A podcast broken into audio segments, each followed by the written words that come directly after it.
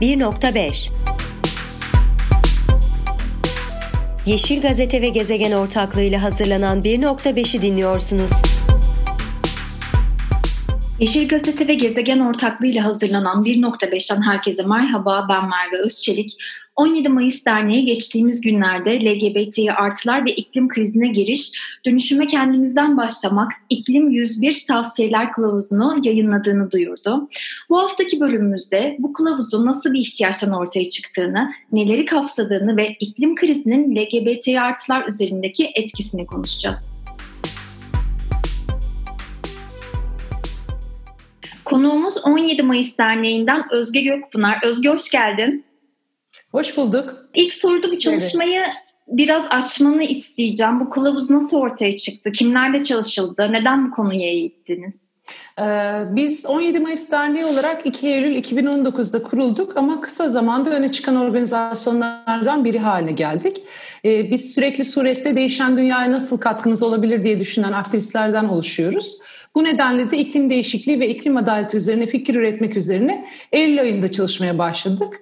Bu çalışmada 17 Mayıs Derneği ve Kaos GL ekibi birlikte çalıştık. Herkesin öyle veya bildiği üzere Avustralya orman yangınları ile başlayan bir süreci gördük. Kasırgalar ve 2021'de e, tüm dünyada ve Türkiye'de görülen kuraklıklar oldu. Sel, yangın gibi afetler e, gerçekleşti. İklim değişikliği konusunda karşı karşıya olduğumuz tabloyu gösterdi bize tüm bu durumlar. Gezegen sıcaklığını artmadan koruyamamız halinde dünyanın dengesinin daha da bozulacağı, iklim değişikliğine bağlı afetlerin çoğalacağı e, gibi durumları biliyoruz ve buradan da tüm canlıların yaşamının olumsuz etkileneceği sürpriz bir bilgi değil. Buradan yola çıkarak biz de iklim meselesini iklim değişikliğiyle mücadele, iklim adaleti ve queer ekoloji bağlamlarında ele almak istedik. Çünkü bunun daha sürdürülebilir ve eşit bir dünya tahayyülünü beraberinde getireceğine inanıyoruz. İklim değişikliğiyle mücadele ve sürdürülebilir bir dünya içinde LGBT artılar olarak e, nasıl katkı sunacağımızı değerlendirmeye çalıştık e, ve dönüşüme de kendimizden başlayalım istedik. Kaynakların giderek azaldığı bu dünyada holistik bir çerçeveden iklim meselesini ele almak e, ve aynı zamanda da dünyayı kuyuleştirecek çözüm önerilerinin sonuculuğunu yapmak adına hep birlikte çalışmaya devam etmemiz gerektiğini düşündük.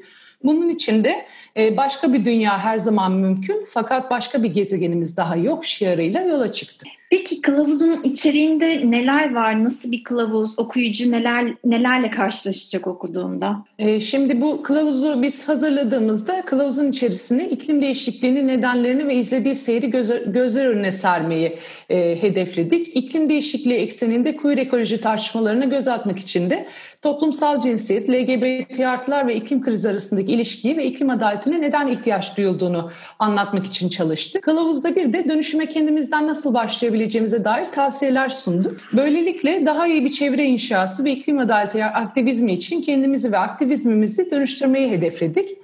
Bu kılavuz üzerinden de Kaos GL Derneği ile beraber daha temiz ve sürdürülebilir bir çevreye katkıda bulunmak için hali hazırda var olan politika belgelerimizi güncelledik. Bu belgeler sıfır atık ve çevre gibi politika e, belgeleri. Bununla e, bir yandan da e, bundan sonrasında da Türkiye'deki diğer LGBT örgütlerini de edindiğimiz ve derlediğimiz bilgiler üzerinden harekete geçirmeyi istiyoruz. Yani aslında deneyim paylaşımı ile iklim değişikliği hareketini LGBT hareketinin değişmez bir unsur haline getirmeyi amaçlıyoruz. Peki e, bu hazırladığınız kılavuza gelen ilgiler, tepkiler nasıl? Bu konuda neler söylersin? E, kılavuzla ilgili tepkiler aslında çok umutlu ve bu da bizi çok sevindiriyor. Çünkü LGBT alanı ile iklim krizini bağdaşlaştıran ilk çalışma bizim yaptığımız bu çalışma oldu. Daha kılavuz yayınlanmadan iklim çalışmaya başladığımızı duyurduğumuz bir haber üzerinden hemen Lambda İstanbul'dan bir e, oturum daveti geldi bize.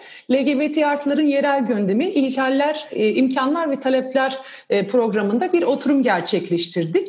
E, dün ya da evvelsi günde e, bazı iklim aktivistleri bizim kılavuzumuzu harika bir kılavuz hazırlamışlar şeklinde biz de etiketleyerek paylaştılar sosyal medyada.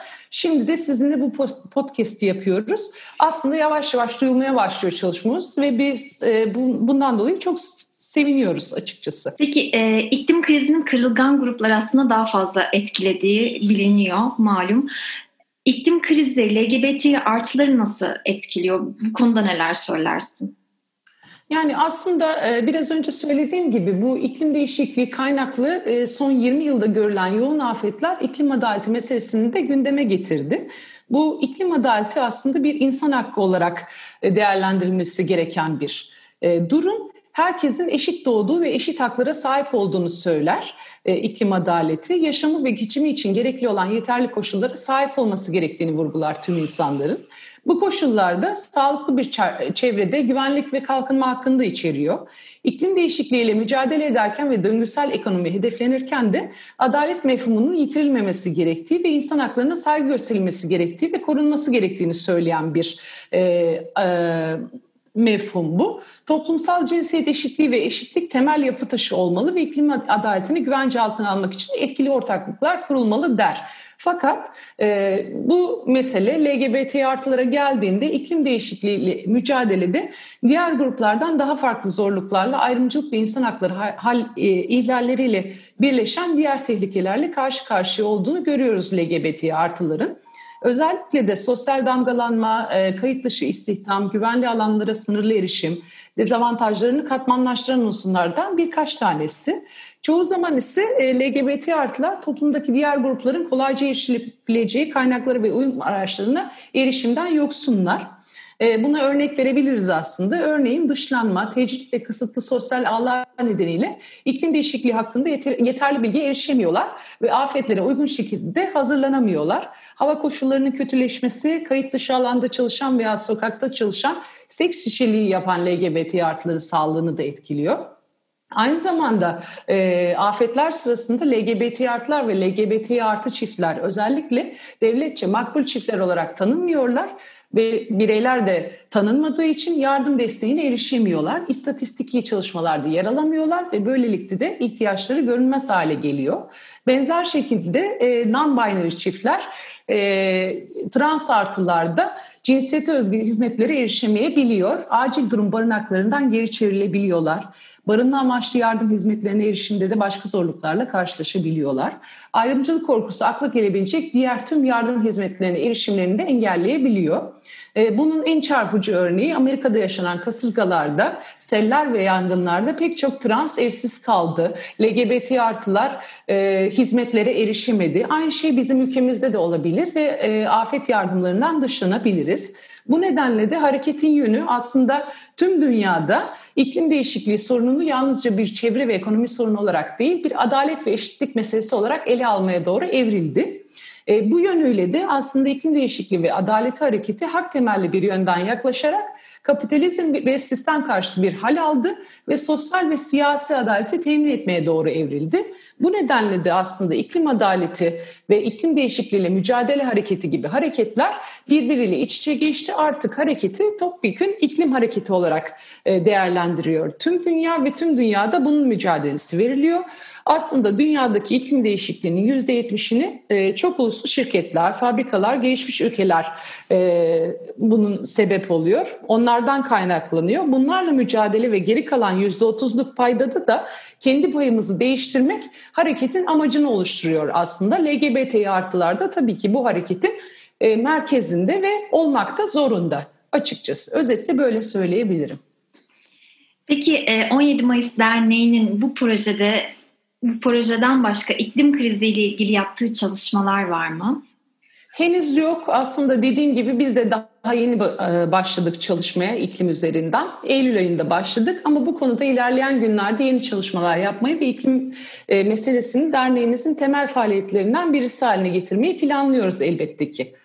Çünkü tek gerçekliğimiz belli bir zaman içerisinde sadece bu olacak. Ve bu da sürpriz değil.